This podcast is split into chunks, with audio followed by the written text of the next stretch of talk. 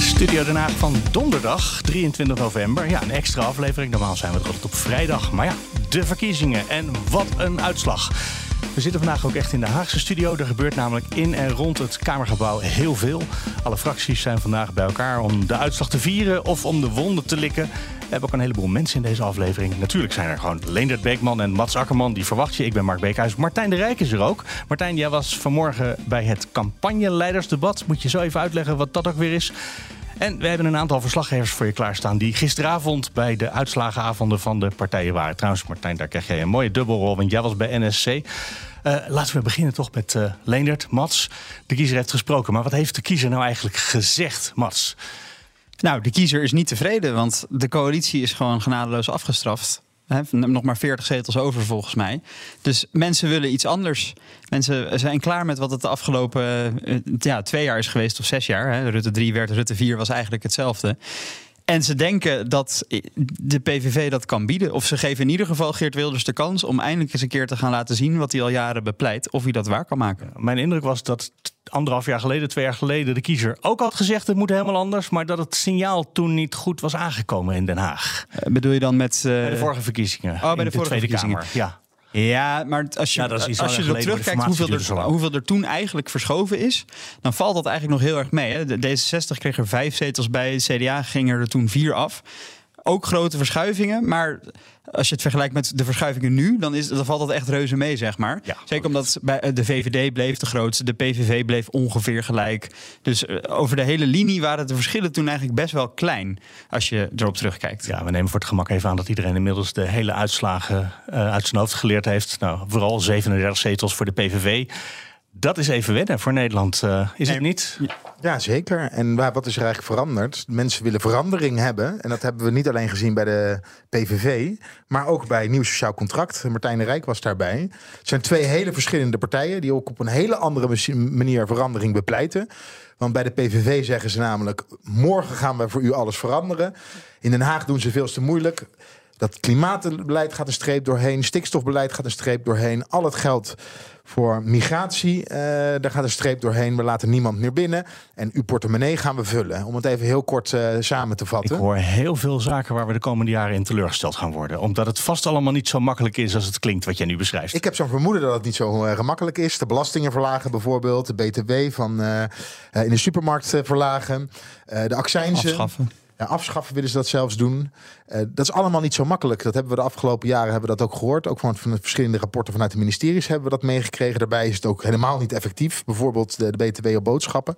Ja, we wisten al niet eens wat nou groente en fruit is. Precies. Of een pizza. Dus het wordt, uh, wordt heel lastig. Het verschil was wel heel moeilijk. Ook omdat ze in de supermarkt niet alleen maar groente, fruit en, en, en, en stukjes vlees verkopen. Maar Ik ga dat... het anders zeggen. Ik denk eigenlijk dat we nu gaan ontdekken of het onwil was. Dat we het verschil tussen pizza's en groente en fruit niet wisten te maken. Of dat de PVV, die dat ja. onderscheid duidelijk wel op de radar zal krijgen, dat ze dat wel kunnen ja, door, ze willen het, uh, door alle boodschappen willen ze het, uh, willen Ja. ze het doen. Maar in de supermarkt verkopen ze bijvoorbeeld meer. Maar goed, dat even terzijde. Maar nieuw sociaal contract belooft ook verandering. Alleen, er komt een beter bestuur. En ze zeggen er elke keer bij... Ja, we gaan aan bestaanszekerheid werken. We gaan huizen bouwen. Maar dat gaat allemaal wel heel lang duren. Ja. Kortom, zij hebben een lange termijn planning. Maar je kan toch wel zeggen dat... Want er zijn 40, ze- eh, 40 zetels in totaal... eh, eh, verschoven. van eigenaar naar- veranderd, ja? in ieder geval eh, 20 erbij bij de PVV en 20 bij Nieuw Sociaal Contract. Ja, dat zijn toch allemaal stemmen eh, waar de hoop van verandering uit klinkt. De hoop van verandering. Ja, dat is ook wat Geert Wilders gisteravond zei. Laten we eens even kijken in de studio in Amsterdam. Daar zit Jari de Jong. Jari, hallo. Was bij de. PVV hè, gisteren.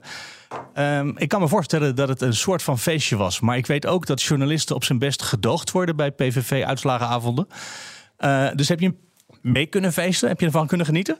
Nou, echt meefeesten was niet echt sprake van gisteren. Je moet je voorstellen dat we in een eh, nou ja, vrij kleine kroeg ergens in Scheveningen stonden. Het zeepaardje met een S. In ieder geval, dat eh, herhaalde de eigenaar een paar keer. En je had Heel dus het voorste gedeelte, de bruine kroeg met daarachter... omroep. Dus, eh, dus ja, gewoon het hokje met, waar, waar alles omheen zat. Nou ja, waar je de beelden ook van zag. Dat, dat foeilelijke rode behang daarachter. En eh, ja, daar stonden dus alle journalisten. Dus op een biljarttafel stonden ook de zes, zeven camera's van verschillende omroepen uitgestald. En wij hadden ons eigen vakje waar we uiteindelijk in konden bewegen. Maar ja, echt van, van, van uitwisseling tussen, tussen nou ja, eh, ons als journalisten en de PVV was geen sprake. Het was echt afgezet wel, met lint. Ik heb wel camerabeelden van om de hoek zeg maar, gezien. En dan zag je Martin Bosma dansen. Eigenlijk een soort uh, D66er, maar dan zonder tafel leek het een beetje. Ja, ja zeker. Uh, heb je daar wel iets van meegekregen? Kreeg je nog wel een beetje het gevoel van hoe daar het allemaal aankwam? Of ze het meteen nou, geloofden? Zeker, ja. We werden natuurlijk wel ook wel iets brutaler toen we hoorden toen, uh, dat ze zeg maar 35 zetels in de exit poll hadden. Dus we, we deden de deur al even open. We gingen even kijken. En dat was ook het moment dat ik inderdaad Martin Bosma daar in de, ja, een soort van half bijna oud zag gaan. In de handen zag vallen bij andere partijleden. En dat ja, die vreugde om dat moment om mee te maken was natuurlijk enorm bijzonder. Alleen al daarom. En ja, ze gingen helemaal los. Je, je merkte ook wel dat ze er eigenlijk niet op gerekend hadden dat ze zo groot zouden worden. Dat was toch wel wat er meerdere malen herhaald werd op die hele avond van. We kunnen het zelf eigenlijk niet geloven dat het zo goed heeft uitgepakt. Ik sprak de, de, de woordvoerder daarvoor van ik zei, nou ja, de eerste keer sinds 2014 dat jullie dit weer doen. Sinds de gemeenteraadverkiezingen. Nou, je herkent ze misschien nog wel. Van de, van de uitspraken minder, minder. Maar ja, sindsdien deden ze het weer. En ze hebben drie dagen voor, voor, uh, nou ja, voor, de, voor de verkiezingen zelf pas dit opgetuigd om dit te gaan doen. Omdat ze, ja, ze zeiden, ja, we, we kunnen misschien de grootste worden. Dus ze hadden er zelf ook niet op gerekend. Ja, uh, Mats, niemand had erop gerekend. Hè? Wij hebben, dat zei alleen dat vanmorgen bij de Big Five. Wij hebben ook heel weinig in deze podcast over de PVV gesproken. Want die zijn altijd een beetje besmet. Die gaan toch niet mee regeren. Nou ja, en niet alleen dat. Kijk, dat is het ene. Hè? Ze stonden altijd aan de zijlijn en werden altijd buitenspel gehouden. Het andere is, er is ook veel minder te beleven met de PVV. Er zijn weinig campagnemomenten vanwege de beveiliging van Geert Wilders. Dus je kan hem misschien twee of drie keer spotten. er is geen partijcongres waar je de sfeer kan proeven. En met mensen die de partij over overwegen te praten. Dus je bent heel erg aangewezen op eigenlijk die paar spaarzame ja, campagne- en mediamomenten. Wij zijn hier natuurlijk wel de politiek aan het duiden. En we zijn aan het kijken ja, wat gebeurt er over kunnen hebben. En wat speelt er in de Nederlandse samenleving. En wat dat betreft hadden we best... Hij ligt daar toevallig. Van de keer dat ik met uh, Fleur Agema hier stond. Het verkiezingsprogramma best, van de PVV. Ja, het verkiezingsprogramma van de PVV. Daar hadden we best eventjes uh, in kunnen duiken. En we hebben kennelijk niet goed genoeg aangevoeld... wat er in de samenleving op dit moment speelt. Want anders hadden we het er echt wel een keertje over gehad. En ja. ze stonden in de peilingen stonden ze er ook nog best wel ik, aardig voor. Ik snap wel iets van wat Mats zegt. Want de PVV is natuurlijk wel een soort eenmansfractie met nu 37 zetels. En nou een voorbeeld, is een voorbeeld te geven is dat wij bij BNR hebben we acht themadebatten gehad in aanloop naar de verkiezingen. En bij alle acht is de PVV uitgenodigd. En bij alle acht heeft de PVV geweigerd, waardoor de andere partijen er wel aanwezig waren. Dan kun je dus ook niet met een partij praten over wat zijn je standpunten. Waardoor je misschien toch op het moment dat je dingen gaat analyseren, ook minder uh, de PVV in je achterhoofd hebt. Ja, en ook van vanmorgen, want jij was in de, gang, in de wandelgangen bij de PVV. En daar spraken journalisten met de nummer drie van de PVV. Maar dat was niet de bedoeling.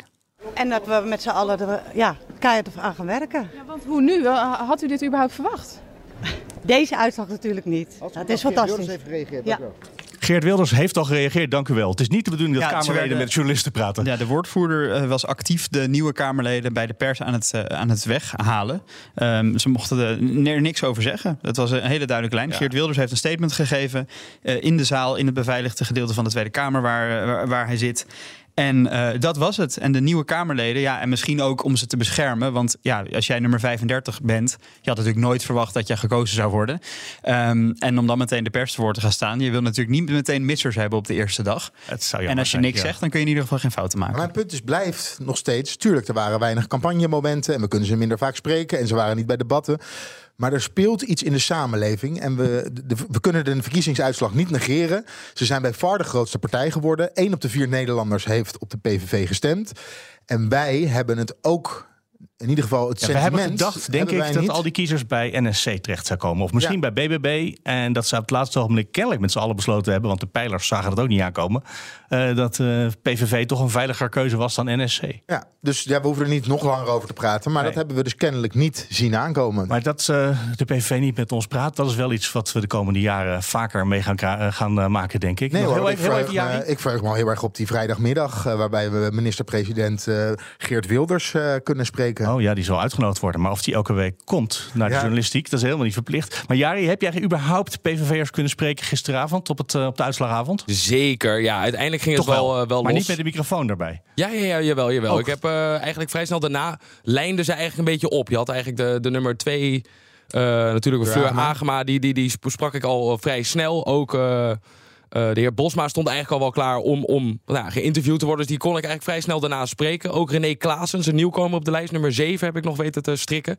Ja, en op het einde, iedereen werd wat lalliger. Er, zat toch wel wat drank in. Op een gegeven moment heb ik dus via een nou ja, PVV'er de nummer 35 nog weten te strikken, Jan Valise. Die, uh, die sprak ik toen inderdaad nog over nou ja, of hij het had zien aankomen en hoe hij dit beleefd had. En ja, daarin merk je eigenlijk, denk ik precies wat ik daarvoor ook zei. Mensen hadden er niet op gerekend. Want hij zei ook van ja, ik heb een baan uh, bij een palletverwerker, volgens mij was het. Ik zei, nou ja, uh, en hoe nu verder? Hij zei, ja, ik kan ook niet zomaar de biezen pakken. Ik kan niet zomaar daar weggaan. Dus er was ook een beetje een, een, een toch wel een verbazing van de mensen op de een lijst. een maand opzegtermijn, terwijl die over twee weken start als Kamerlid. Ja, ja, ja die denkt in één keer van, ja, en hoe nu verder, weet je? Ja, dat was, dat was wel heel erg grappig. Maar op zich, ja, er was een beetje een tweestrijd wat je voelde. De woordvoerder was er vrij duidelijk op van, ja, we wachten totdat Wilders komt. En nadat Wilders de één op één interview heeft gedaan, pas vanaf dat moment kan er een reactie van anderen komen. En zelfs op dat moment merkte je nog dat mensen wel voorzichtig waren. Er waren ook PVV'ers die de hele avond dus in die zaal bleven... waar wij dus als media niet welkom waren. Uiteindelijk eh, lukte dat wel. Even goed, Martijn de Rijk, jij bent er ook bij. Uh, jij was bij het debat van de campagneleiders vanmorgen... van alle politieke partijen die uh, met elkaar gaan discussiëren... over de wat er goed en misgegaan ja. is. Ja. ja. Uh, daar ontbraken de mensen van het PVV past, ook, hè? Het past mooi in het, uh, in het, uh, in het rijtje. Uh, ook daar ontbraken zij tot grote teleurstelling van, van de collega's... die natuurlijk heel graag... ja, misschien zelfs wel ze hadden willen feliciteren. Want ja, dat is natuurlijk gewoon in ieder geval knap werk. en in ieder geval ook een reden om met elkaar te praten... en over ervan gedachten te wisselen... Uh, maar tegelijkertijd, ja, het werd natuurlijk alsnog een campagnebijeenkomst, of een bijeenkomst moet ik zeggen, die uh, draaide om de resultaten van de PVV. Uh, men had onderling natuurlijk ook nog wel wat appeltjes te schillen. Want hoe kon het zo ver komen? En daar bestond toch wel enige consensus over. Ja. Als in uh, iedereen behalve de VVD uh, wees naar dat ene moment in de zomer... waarop Dylan Jesselgus zei... wij zetten de deur op een kier voor de, de PVV. Misschien dat we toch wel met die partij een regering willen gaan vormen... als dat, als dat nodig mocht zijn. en ja, volgens alle campagneleiders... alle andere campagneleiders die daarbij aanwezig waren. Um, was dat, nou, ik zal het zelf eventjes uitdrukken in de woorden van uh, uh, Bert van den Brink van uh, het CDA. Die gewoon zei: op dat moment werd Jesselgus werd de campagneleider van de PVV. Ja, dat is toch wel uh, behoorlijk, een soort van disqualificatie. Een behoorlijke stoeptegel uh, die ze daar door de ruit heeft gekregen. Ehm, ja, dat werd door de andere collega's ook herhaald dat dat moment echt heel belangrijk was. Um, de VVD natuurlijk, het zal je niet verbazen, wierp dat verre van zich. Uh, vond het gewoon uh, uh, dat, dat de, ja, de winst van de PVV te verklaren valt vanuit de onvrede die heerst in het land. En daar hebben ze natuurlijk ook gewoon een, een, een, belangrijk punt te pakken. Want dat is natuurlijk ook voor een heel groot deel het geval. Leonard? Ja, Dylan Jezus heeft net de pers te woord gestaan. Ik weet niet of jij het fragmentje bij de hand hebt. Uh, dat ga ik even als een... Ja, want uh, oh, ik, ja, ik, ik deel... Ja, gaan we hem doen? Nou, wat ik u heb aangegeven, doe ik graag nog een keer. De zorgen van de mensen zijn reëel.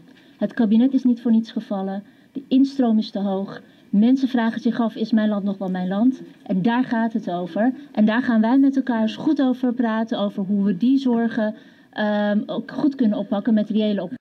Ja, dit is even misschien het goede moment om afscheid te nemen van Jari in Amsterdam. Die daar overigens wordt afgelost door Michael van der Toorn, die bij de VVD gisteravond was.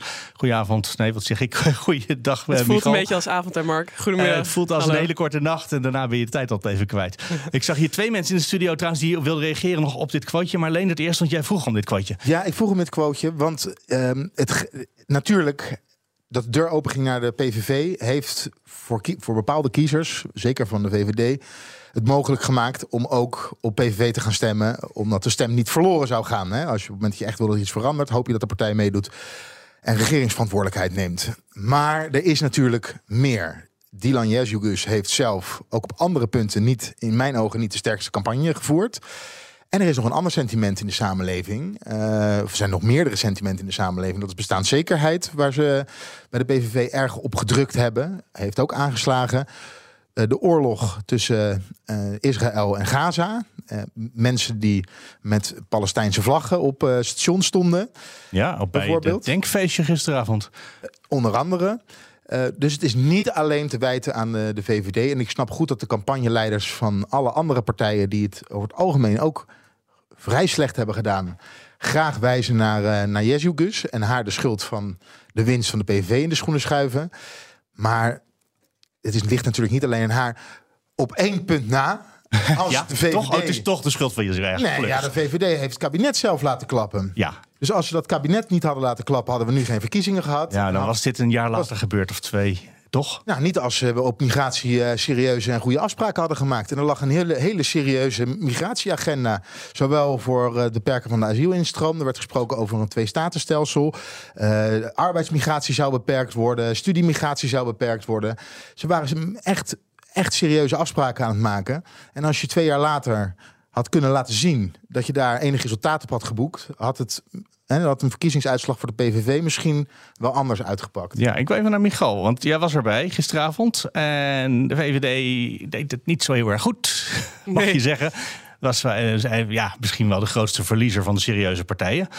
Um, was het toch nog een feestje? Want VVD'ers zijn heel relaxed, is mijn ervaring. Ja, je zou zeggen dat ze heel relaxed zijn. Um, dat was ook zo. De bitterballen waren al vanaf het begin niet aan te slepen. Bier werd getapt. Maar bij die 35 zetels uh, ging de schok toch wel echt door de zaal. Uh, ja, ik heb het gisteravond ook al even gezegd, maar Jezus hoorde ik heel hard na, naast me. En ze waren toch even van hun stuk gebracht, uh, die VVD'ers. En het onderwerp waar jullie net over hadden, of zij, de vraag of zij nou hun eigen verlies of eigen, hun eigen doodsvonnis hebben getekend, die werd natuurlijk echt flink vermeden. Daar wil ze het niet over hebben. Ze hebben gewoon een goede campagne gevoerd, volgens Oh, gelukkig maar. Ja, de, uitslag viel tegen, maar de campagne was briljant. Maar ik heb me laten vertellen dat rond 12 uur uh, er wel weer gedanst werd. Dus dat ze wel snel overheen waren. Ze waren er snel overheen. Het was wel vooral de, uh, de, wat, jongere, de wat jongere leden die uh, nou, de moed er een beetje in probeer, probeerden te houden. Um, ik heb nog even gevraagd hoeveel bitterballen er ongeveer geserveerd waren. Dat wisten ze niet, maar er waren wel heel erg veel. Nee, maar het was viel ook op dat de muziek steeds een klein beetje harder ging. Het was echt van die hysterisch vrolijke muziek. Ging steeds iets harder. Misschien op een gegeven moment werd ook Why Tell Me Why gedraaid. toen, Why ze. Ja, toen waren ze misschien toch een beetje van een stuk gebracht. Ik nee, kreeg maar, steeds meer spijt dat ik er niet ook was. Ja. nee, maar ehm, ja, de, de sfeer probeerden ze nog een beetje in te houden. En ze hadden het ook de hele tijd uh, inhoudelijk. Uh, zei ze de hele tijd: het is een duidelijk signaal wat de kiezer heeft, uh, heeft afgegeven. De kiezer heeft gesproken. Um, dus ze probeerden het echt een beetje van zichzelf weg te houden. Wat dan dat ja. signaal precies was, daar deed ze dan weer niet hele duidelijke oh, Dat past in de lijn van de campagne. Nee, maar dat duidelijke signaal, dat is ook wat volgens mij wat Mats net beschreef. Dat de kiezer vorige keer niet gekregen heeft wat hij bedoelde. En deze mhm. keer dan zegt: Nou, dan moeten we ook maar strategisch PVV stemmen, zodat we de VVD op rechts houden, Mats.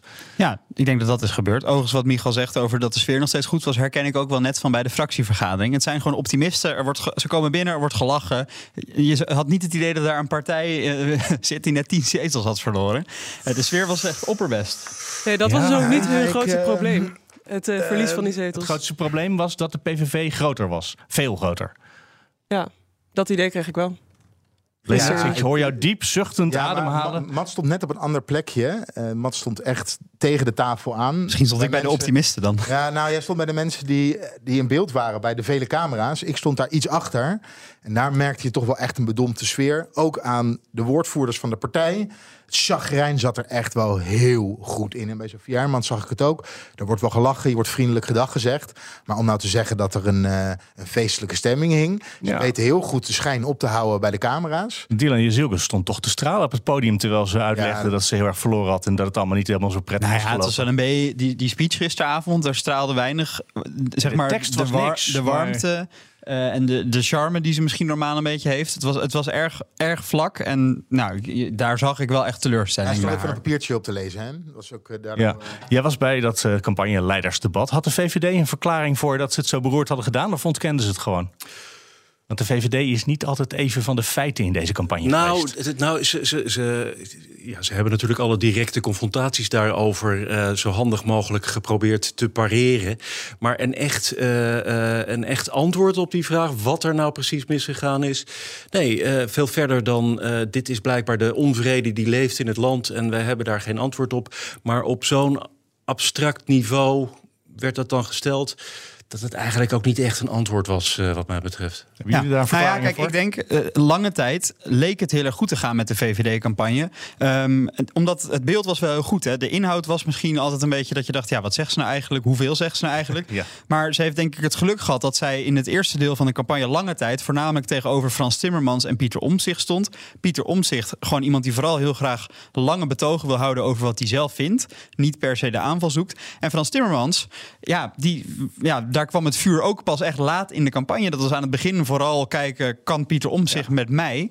Uh, in plaats van uh, de VVD heeft ons land kapot gemaakt, stem links. Ja, we dus gaan zo zij met heeft uh, contact zoeken die daarbij was. Ja, precies. Maar in de, in de, in de fase van de campagne waarbij Wilders eigenlijk afwezig was, had zij het denk ik ook echt wel makkelijk. Bijvoorbeeld dat eerste RTL-debat, ondanks dat ze inhoudelijk misschien niet heel erg sterk was, kwam ze toch wel goed uit, die, uit dat debat. Maar dat dacht dan meer aan de andere twee. Was er misschien te weinig weerstand waar ze zich tegen kon afzetten? Dat, ze, dat je dan, als er Wilders was geweest, dat ze iets uh, helderder had kunnen zeggen wat zij dan nou wel bedoelt. Ja, je merkte wel in latere debatten, ik denk dat Leonard het wel met me eens is, dat als ze echt fel werd aangevallen, dat dan haar verdediging steeds zwakker werd. Ja, zeker. En het probleem is ook een beetje, met welk verhaal is de VVD nou de verkiezingscampagne ingegaan? Hè? Het is toch een ja, aan, aan jouw kant. Ja, maar laten we het nou eens even over de, de, de inhoudelijke politieke kant hebben. Je wil ergens met een land naartoe. En ik blijf het zeggen, dat blijft mijn stokpaardje. En dat was bij de VVD. Uh, niet duidelijk genoeg. Ze wilden graag over migratie praten. En als het moest, wilden ze ook wel over, uh, over bestaanszekerheid nee, wat, wat daar vanochtend over gezegd werd, ook bij het campagneleidersdebat, was uh, de VVD heeft ook door de stekker uit het, het vorige kabinet te trekken, dat hele onderwerp van migratie bovenaan geplaatst. En vervolgens zijn de mensen gegaan voor de echte versie van... Het origineel. Voor, voor het origineel. Oh, dat is grappig, want dat hoor je heel vaak over het CDA. Te zeggen, nou, dan kiezen we toch liever het origineel. Dat is uiteindelijk niet gebeurd, maar ja. uh, namelijk niet NSC, maar CDA. Maar dat geldt dus bij de PVV als het origineel van wat de VVD suggereerde. Ja, de VVD um, zei het moet anders. Hebben ze letterlijk campagne opgevoerd. Maar ze wilden geen rekenschap nemen voor het verleden. Er is natuurlijk best wel veel fout gegaan. Hè. Er zijn mensen in Groningen, de toeslagenaffaire... Uh, boeren die ontevreden zijn. Geen rekenschap voor wat er de afgelopen 13 jaar is gebeurd. Maar ook geen verhaal van waar gaan we dan de komende jaren wel naartoe. Ja, er werd iets gezegd over migratie. Maar ik weet niet of jullie het wel kunnen vertellen. Maar een duidelijk een duidelijke visie voor de toekomst. De problemen van de mensen nu oplossen. Maar dat heb ik zoveel mensen, zoveel partijen horen. Nee, maar dat was inderdaad ook met migratie bijvoorbeeld. Het, het werd ook dan, als je dan vervolgens doorvroeg, wat wil je nou eigenlijk? Dan werd het weinig concreet. Ook als ze dan de vraag kreeg, ja, plak er een getal op. Nou, dat is op zich een eerlijk antwoord dat het misschien lastig is om te doen. Maar dan krijg je alleen maar de riedel van, ja, maar ik ga je nu geen beloftes doen. Want als ik dan uh, me niet aan heb gehouden, dan heb ik weer een belofte gebroken. Maar dat, dat werd dan ook niet gevolgd door een soort van, maar dit en dit en dit. Dat zijn de stappen die we sowieso uh, gaan nemen. Maar laten we even heel eerlijk zijn. We zouden een inhoudelijke campagne krijgen. En zeker richting het einde van de campagne, wanneer mensen toch gaan kijken, hebben we totaal geen inhoudelijke campagne hebben we gezien. We hebben gewoon weer politici tegenover elkaar zien staan... die zoveel mogelijk de verschillen uit aan, uh, uit aan het vergroten waren... en problemen aankaarten die misschien in de samenleving nu hoog op de agenda staan... Maar ook heel veel problemen vergeten te benoemen die ook belangrijk zijn. Oké, we komen aan het eind van dit eerste half uur. Ik zeg even tegen Michal, dankjewel in Amsterdam dat je erbij was. Dit is een extra aflevering van Studio Den Haag met Leonard Beekman, Mats Zakkerman, Martijn de Rijk. Ik ben Mark Beekhuis. We zijn er zo weer. BNR Nieuwsradio. Studio Den Haag. Mark Beekhuis. Dit is een extra aflevering van Studio Den Haag, want de verkiezingen waren er. We zijn er nog tot drie uur. Of misschien luister je naar de podcast, dat is natuurlijk nog beter. En Eigenlijk moet je gewoon even je podcast-app meteen erbij pakken. En abonneer je even als je dat nog niet gedaan had al. In onze Haagse studio zitten Leendert Beekman, Mats Akkerman, Martijn de Rijk. Ik ben Mark Beekhuis. En we hebben nog uh, drie verslaggevers. Nee, dat is niet waar, want Martijn is een van die drie. Nog twee verslaggevers daarbij ook nog klaarstaan om uh, te vertellen over hoe het gisteravond was. En wat dat zegt over de situatie waar we nu zijn. Um, laten we misschien maar gewoon beginnen bij Jigo Krant, die bij GroenLinks PvdA was. Uh, dat, ze hebben heel erg gewonnen, hè? Uh, maar de sfeer was niet opgewekt, Giral? Um, ik, ik verstond je vraag niet. Uh, de regisseur die zei nog wat tegen me. Wat zei je, Ja, dat is heel belangrijk als regisseurs tegen je praat dat je goed luistert. Um, de, ze hebben wel gewonnen bij GroenLinks PvdA. Of in ieder geval, er werd gezegd, zonder fusie zou ze misschien zelfs wel gekrompen zijn. maar ik heb begrepen dat de sfeer niet heel opgewekt was. Nee, dat, dat valt altijd wel op. Hè. Bij dit soort avonden weten partijleiders, politici altijd er wel een positieve draai aan te geven. Zelfs als er verloren is, dan, uh, dan hebben ze op een, in een ander aspect wel gewonnen. En altijd wordt er wel een positief verhaal verteld. Maar gisteravond was dat niet zo. Terwijl er genoeg reden was om een positief verhaal te vertellen. Voor het eerst in tijden groter dan de VVD bijvoorbeeld. Dat is toch iets om je, op te om je over te verheugen. Um, de fusie heeft gewerkt uh, ten opzichte van de vorige verkiezingen. Uh, fors gewonnen, GroenLinks en PvdA. Maar niets van het alles. Er was echt, het was alleen maar PVV waarover werd gesproken. Waarover werd mensen. gehuild. Ik heb ja, aangeslagen. Ik heb echt tranen gezien. Mensen die elkaar omhelsten om elkaar steun te bieden. Um, gisteren tijdens de uitzending uh, werd van een rouwstemming gesproken. Zelfs van een, van een uitvaart. Maar daar leek het af en toe echt wel op. Ik zag ook, uh, was mijn indruk, tranen in de ogen van Timmermans toen hij het volk toesprak. En daarvoor kwam trouwens eerst Jesse Klaver, die even bij de televisiezenders zijn quoteje gaf over wat er nou gebeurd was. Uh, en er werd mij verteld, waarschijnlijk was Timmermans er toen nog niet helemaal emotioneel aan toe om met iedereen te praten. Dus het is echt gewoon heel hard binnengekomen, kennelijk. Ja, of dat tweede waar is, weet ik niet hoor. het is altijd zo op dit soort avonden dat de lijsttrekker zo tussen 11 en 12 uur komt. En um, er was van tevoren afgesproken dat Jesse Klaver wat eerder op de avond al een reactie zou geven. Dus, dus dat was gewoon zo ingepland. Maar eh, ja, ik, ik, ik merkte. Ik heb geen traan gezien of geen emotie gezien bij Timmermans. Maar dat was ook gewoon omdat het heel erg druk was. En ik op enige afstand stond. Dus misschien heb je dat op televisie op beter televisiebeelden kon je dat misschien beter zien, ja. Ja, nou, hij was natuurlijk wel getergd. Hij vertelde een, een, een, een emotioneel verhaal. Uh, maar dan heb ik het in woorden. Um, sommigen zeggen het beste verhaal het, het, dat hij heeft verteld deze deze hele uh, campagne, of na de campagne dus eigenlijk.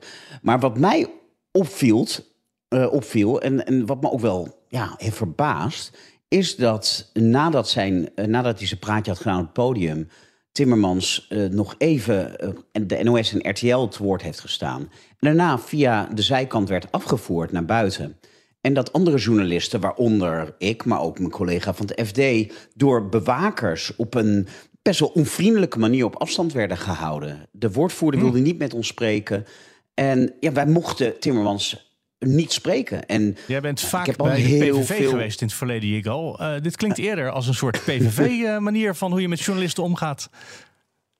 Ja, maar daar kreeg ik toch wel altijd Wilders te spreken. Dus in een zekere zin was het, was het zelfs nog, nog gekker. Maar inderdaad, de, ja, het was bijna. Ik weet niet wat, of, of, collega's van BNR Timmermans tegen de haren hebben gestreken de afgelopen tijd. maar daar leek het een beetje op. Nee. Maar blijkbaar eh, was de. Was een vraag aan jou, hè, Igo.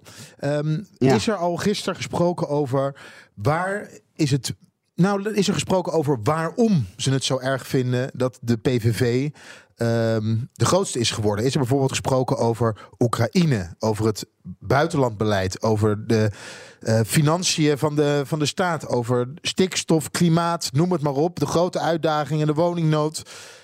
Hebben ze inhoudelijk nee, nog gesproken maar eigenlijk op dit soort avonden wordt op dit soort avonden wordt eigenlijk bijna nooit inhoudelijk uh, ingegaan op, op thema's en, en specifieke redenen. Ik heb dat wel geprobeerd um, toen ik een interviewtje had met, uh, met Jesse Klaver. Maar die zei van dat is voor latere orde. Wat hij de hele tijd zei um, is, en dat is waarom ze zeggen zo ontzettend in de putten zitten over deze uitslag, is dat 1 miljoen mensen door de PVV worden weggezet. Dat 1 miljoen Nederlanders niet mogen meedoen en uh, stelselmatig worden gediscrimineerd. En dat zijn natuurlijk heel veel um, volgers en stemmers van deze fusiepartij. Dus ja. daar, daar, en dat Wilders zegt van ja, ik ben er, ik ben er uh, straks, mocht ik in de, uh, in de coalitie komen of misschien zelfs premier worden, ben ik er voor alle Nederlanders. Ja, dat ging er bij niemand in. Uh, we hebben ook contact met Sam van Zuilen. Die was gisteravond bij D66. Uh, lijkt het een beetje, Sam, wat je van Jigal net hoort, wat je bij D66 meemaakte? Ja, wel heel erg. Ik hoorde, of ik, ik zag voornamelijk heel veel pijn bij de D66'ers. En uh, bij mij was het eigenlijk ook wel zo dat Rob Jette op een gegeven moment dat podium opkomt. Hij geeft een, een best wel vurige speech. Hij verdwijnt achter een gordijn zegt even wat tegen NOS en RTL en verder is het geen reactie. En alle andere mensen die hoog op de lijst staan, die zeggen: Ja, meneer Jette die, die doet het woord. Meneer Jette doet het woord. Zeg je, nou, dat, ik doe mijn best, maar ik kom er maar niet bij. Dus zij gingen meteen de bunker in eigenlijk. En de sfeer, want die was uh, ten, neergeslagen, net als bij. Ja, behoorlijk. Ja, nee, behoorlijk. Nee, het was echt als een. Uh, natuurlijk kwam eerst dat de, de resultaten van, van PVV kwamen binnen. En dat ging als een soort vloedgolf door die, door die zaal heen. Ik hoorde mensen echt joelen. Nee, uh, dit kan niet. Holy fuck, hoor ik achter mij ergens uh, als ze 35... Ja, gescholden gisteravond. Ja, best wel. Best wel. VVD ook. Daar zeiden ze Jezus. Ja, andere partij. Nee, maar vervolgens komt dus hun eigen, hun eigen uitslag. Nou, toen was het nog tien zetels. En zij waren zo blij met die dubbele cijfers. Dat ze uh, echt wel even deden alsof het een enorme overwinning was. Ondanks dat ze toen op min 14 stonden. Ondertussen is het min 15. Dus ik heb ook wel met ze te doen dat ze die dubbele cijfers uh, in hebben moeten leveren. Toen, toen, toen kabbelde het een beetje de sfeer. Totdat Rob Jetten dus een, een, een hele vurige uh, speech gaf. Hij had echt het vuur in zijn ogen. Hij was kwaad.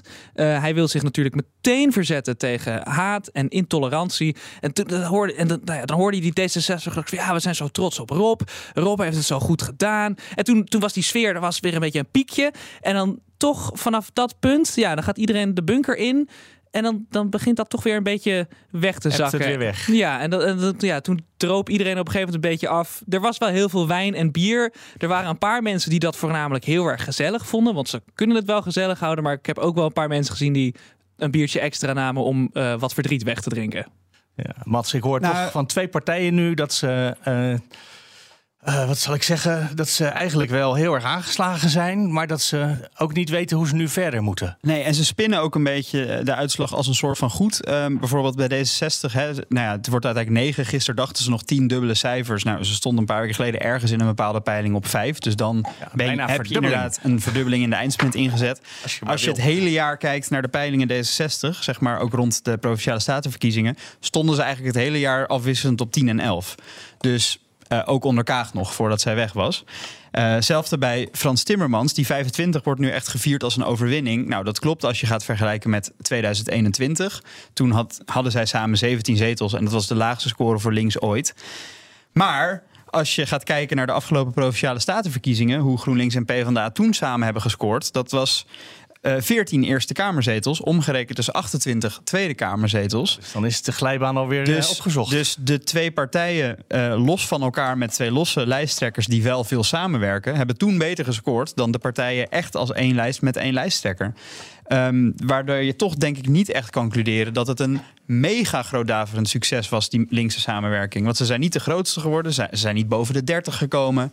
Het is ongeveer hetzelfde als bij de vorige verkiezingen in maart. En dat moet toch echt wel teleurstellend zijn. Maar er is wel echt een groot verschil, want deze keer begon de campagne pas op de uitslagenavond, toch? Want toen zagen we een felle Jette die zijn volk toesprak en een felle Timmermans die de achterban uh, hard onder de riem stak en zei wat de mensen wilden horen. Ja, en Jette had dan nog het nadeel dat uh, op basis van peilingen mocht hij heel veel debatten niet meedoen. De paar de plekken waar hij wel zat, was ja. hij eigenlijk vanaf het begin af aan fel. Als je de, maar, de maar Timmermans inderdaad begint, dat ja, is raar. Nee, ja, het is een hele rare campagnestrategie. Ik ben ook wel benieuwd of Martijn, uh, of er nog iets is gezegd over de campagne van GroenLinks P van de A. Want ik vond die niet goed. Bijvoorbeeld Timmermans, die ook op cruciale momenten, zoals het tweede RTL-debat, afwezig was omdat hij naar Malaga moest om daar vervolgens niks op social media op, ah, over te posten. Sorry jongens.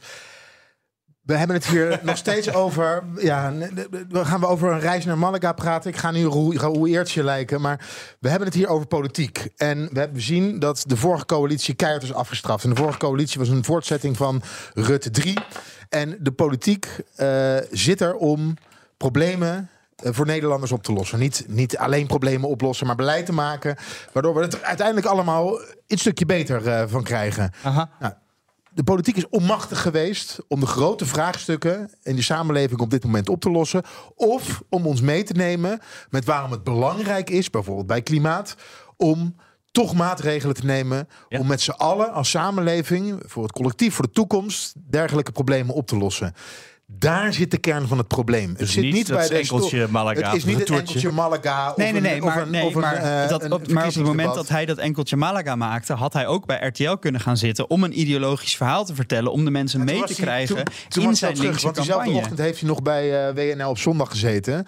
Hij was toen al terug toen uh, dat debat op zondagavond werd gevoerd. Uiteindelijk gaat het erom dat de afgelopen jaren hebben we politiek gezien. En dat is, daar is Groningen is daar een voorbeeld van. De Ik wil er nog wel wat over zeggen, jongens, als het kan. Een voorbeeld van, dat kan zeker. Ja, je waarbij, de, waarbij, deze niet, mag jij. Ja, waarbij het problemen niet opgelost zijn. En de kiezer de, eh, geeft niet meer het mandaat aan de klassieke partijen om dergelijke problemen op te lossen. Dat mandaat is gegaan naar een nieuwe partij en naar een oude partij, en die hebben ze heel groot gemaakt. Jigal. Ja, ik wist niet dat mijn microfoon open stond, sorry. De, kijk, ik vind het heel, inderdaad heel verhelderend om te vergelijken met maart.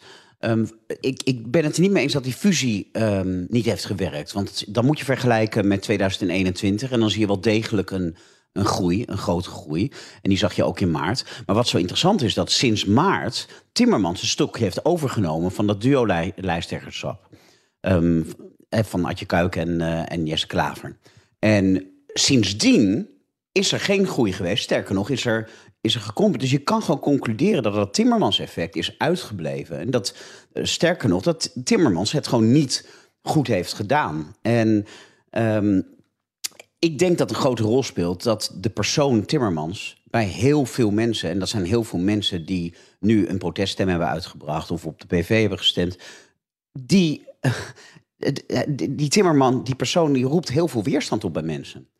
En, ja, ik versprak um, me net met het woord enkeltje uh, Malaga. Maar ik denk dat bij de PVV heel veel mensen daar wel op gehoopt hadden dat het een enkeltje was gebleven. Maar hij kwam weer terug.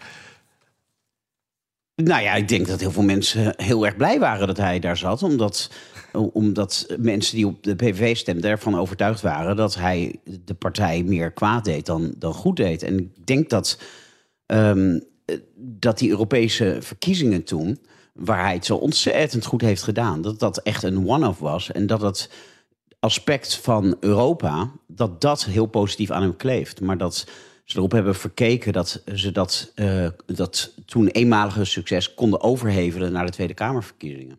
Ja, uh, even weer terug naar het studio in Den Haag. Mats stelde net een vraag aan Martijn, die uh, Leendert heel behendig antwoorden. uh, ik ben de vraag zelf vergeten. Weet jij nog wat je ging terugzeggen?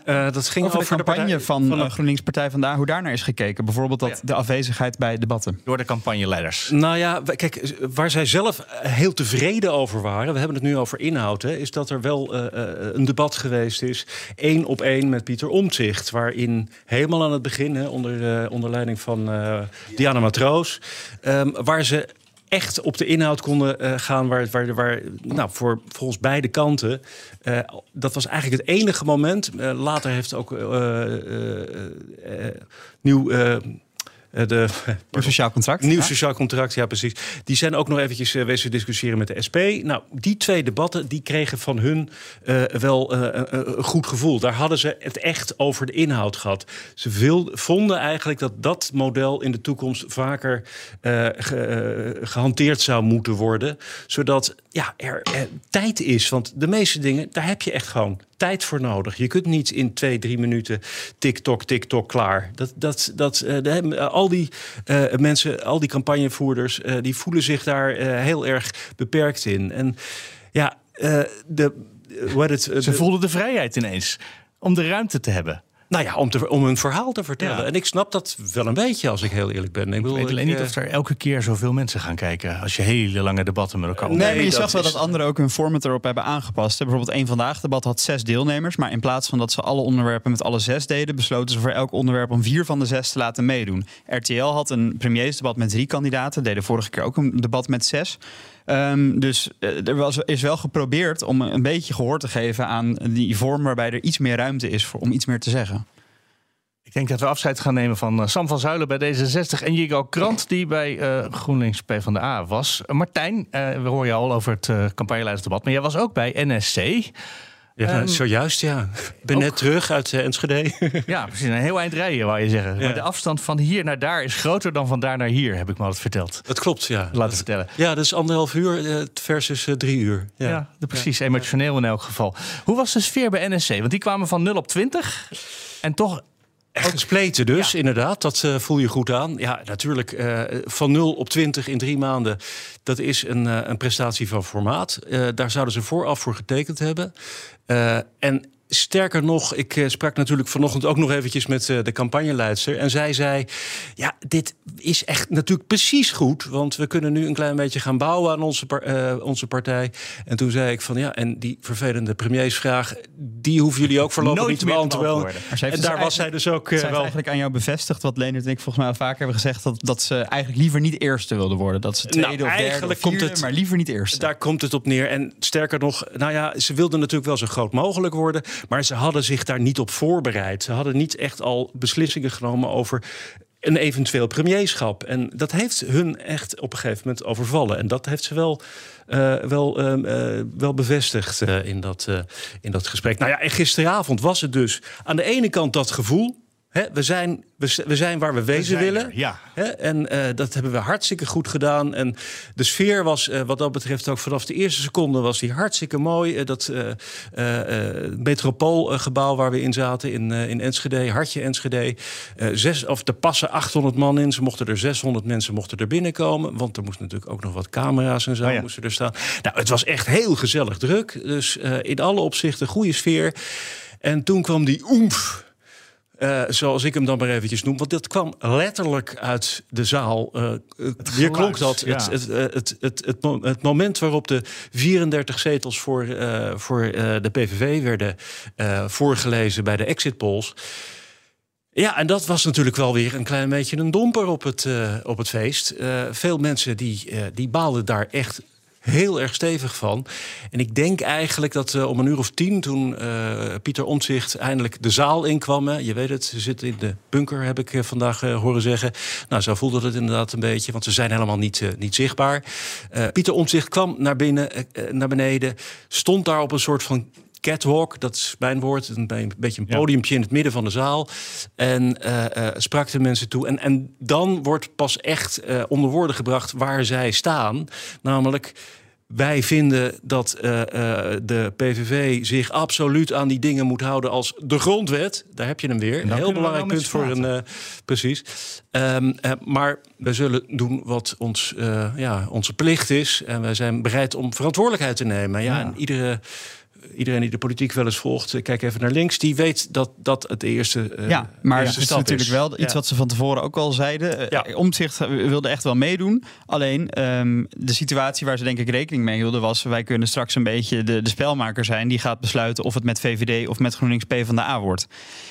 En nu is het, er hangt er een hele andere vraag boven de markt. Gaan we over bepaalde uh, problemen die wij met de PVV hebben heen stappen en dat ook een kans geven? Dat is toch iets, weer een hele andere beslissing dan waar zij eerst mee zaten. Uh, we hebben nog drie minuten, dus we gaan de formatie gewoon even regelen. Dat kan makkelijk, uh, Leendert. Nou, de VVD kan, het, kan eigenlijk doen wat D66 deed toen Rutte 4 gevormd werd. ze zijn welk kant je ook op gaat, heb je de VVD nodig. Dus ook als je eventueel over links uh, gaat. Maar in eerste instantie, als je het over rechts doet. De ja, dat ligt voor de hand, toch? Kan, kan niet zonder de VVD. Dus de VVD kan heel veel gaan eisen. Uh, en ik hoorde iemand zeggen, we hebben een paar jaar lang de VVD D66-beleid laten uitvoeren. Dus nu wordt het tijd dat de, dat de PVV VVD-beleid gaat uitvoeren. Nou, ja, ze, in de onderhandelingen hebben ze een hele sterke positie uiteindelijk. Uh, want zonder de VVD kan de PVV niet in de regering terecht. Tenzij NSC inderdaad zijn minderheidskabinet krijgt waar ze op hopen. Oh, ik ja, zie heel vies kijken. Nee, dat ja, gaat niet worden. Nou, dat, dat moeten we nog gaan zien dan. Nee, dat wordt is het, is altijd het, is het denkbaar? Als, uh, optie. Is het denkbaar dat de VVD, ja, die heeft de deur opengezet, maar die heeft ook een flink deel van de achterban wat niks van de, VV, van de PVV wil hebben. NSC heeft gezegd: doen we niet. Uh, en dan ben je er nog niet. Dan heb je nog een BBB of iets anders nodig. Die BBB wil op zich wel. Maar is het, ik zou de PVV daadwerkelijk zoveel uit zijn verkiezingsprogramma willen schrappen dat ze echt acceptabel worden? Uiteindelijk, ik sprak Martin Bosma net nog heel even. Ja. Hij zei migratie, daar hebben we de verkiezing op gewonnen. Migratie dus dat staat. Ja, daar willen we natuurlijk als eerste. Dat is ons belangrijkste punt. Daar, Nul uh, asielzoekers was geloof ik het uh, streefcijfer, toch? Nou ja, de, de, daar gaan ze als eerste over praten. En dat is wel mogelijk met die rechtspartijen. Ja, want die willen nou, het allemaal. Nou, nul niet. Nee, maar alle, kijk, maar de, de, als de inzet is nul en je komt uh, niet op nul uit, maar wel heel erg in die buurt NSC wil ook flinke beperking, VVD wil flinke beperking. En geen van die partijen heeft al verteld hoe ze dat gaan uitvoeren. Nee, maar dat, dus dat, dat hoe, dat hebben we sowieso. Deze campagne, het was niet inhoudsvol. Er is geen makkelijke oplossing, anders was het nee. vorige kabinet niet gevallen. Ja. ja. Ah, dan hebben ze ook nog anderhalf minuut over. Maar zijn er anders, andere opties nog behalve deze? Of heb je dan meteen 25 nou, zetels? De, de, VVD heeft heel wat te eisen. Ja. Want er, moest een, er moet een überhaupt een uh, referendum komen. Uh, dat moet nog in de wet moet dat, uh, moet het terechtkomen, binnen het referendum. Dan moet er eentje over de Nexit gehouden worden. Nou, daar moeten ze nog even over gaan praten. de oh, Europese Commissie heeft al gereageerd. Daar komt geen Nexit en ze vertrouwen erop dat Nederland een loyale Europese kandidaat blijft. Nou, dat, dat is dan goed dat, goed dat, Europa dat alvast heeft laten weten. ze bij de PVV er anders over denken. Uh, ze moeten nog gaan praten over uh, steun aan uh, Oekraïne. Dat is een onbespreekbaar punt voor de VVD. Dus dat moeten ze absoluut binnen gaan halen. Klimaat. De gulden gaat wat de wet betreft de VVD en nieuw sociaal contract niet terugkomen. uiteraard de, de, beperking van islamitische scholen en hoofddoekjesverbod. Dat zal eruit moeten. Dat, zal een, dat is geen prioriteit. Dat heeft hij bij Nieuwser al gezegd de, de hardcore standpunten over de islam, die vindt hij nog wel, maar dat, dat zullen niet zijn prioriteit in de onderhandelingen zijn. Ik dacht dat we het in uh, 3,5 minuten wel even zouden redden, maar het blijkt toch weer ingewikkelder te zijn. Misschien dat het toch uh, helemaal over links moet met 16, uh, 16 partijen. Kan dat? Nou, trouwens, dat gaan we ook niet meer proberen. Ja, bijna onmogelijk. Dankjewel, Leendert Beekman, Mats Akkerman, Martijn de Rijk. Goed dat je er ook bij was om te vertellen over NSC en over het campagneleidersdebat. We komen aan het einde van Studio Den Haag. Goed dat je erbij was. Uh, elke vrijdag zijn we er. Morgen is het vrijdag, dus we zijn er gewoon weer. Abonneer je ondertussen even op je podcast voor het geval je de radio net iets te laat aanzet. Dan uh, kan je hem alvast als podcast terugluisteren. Dank voor het luisteren en heel graag tot morgen.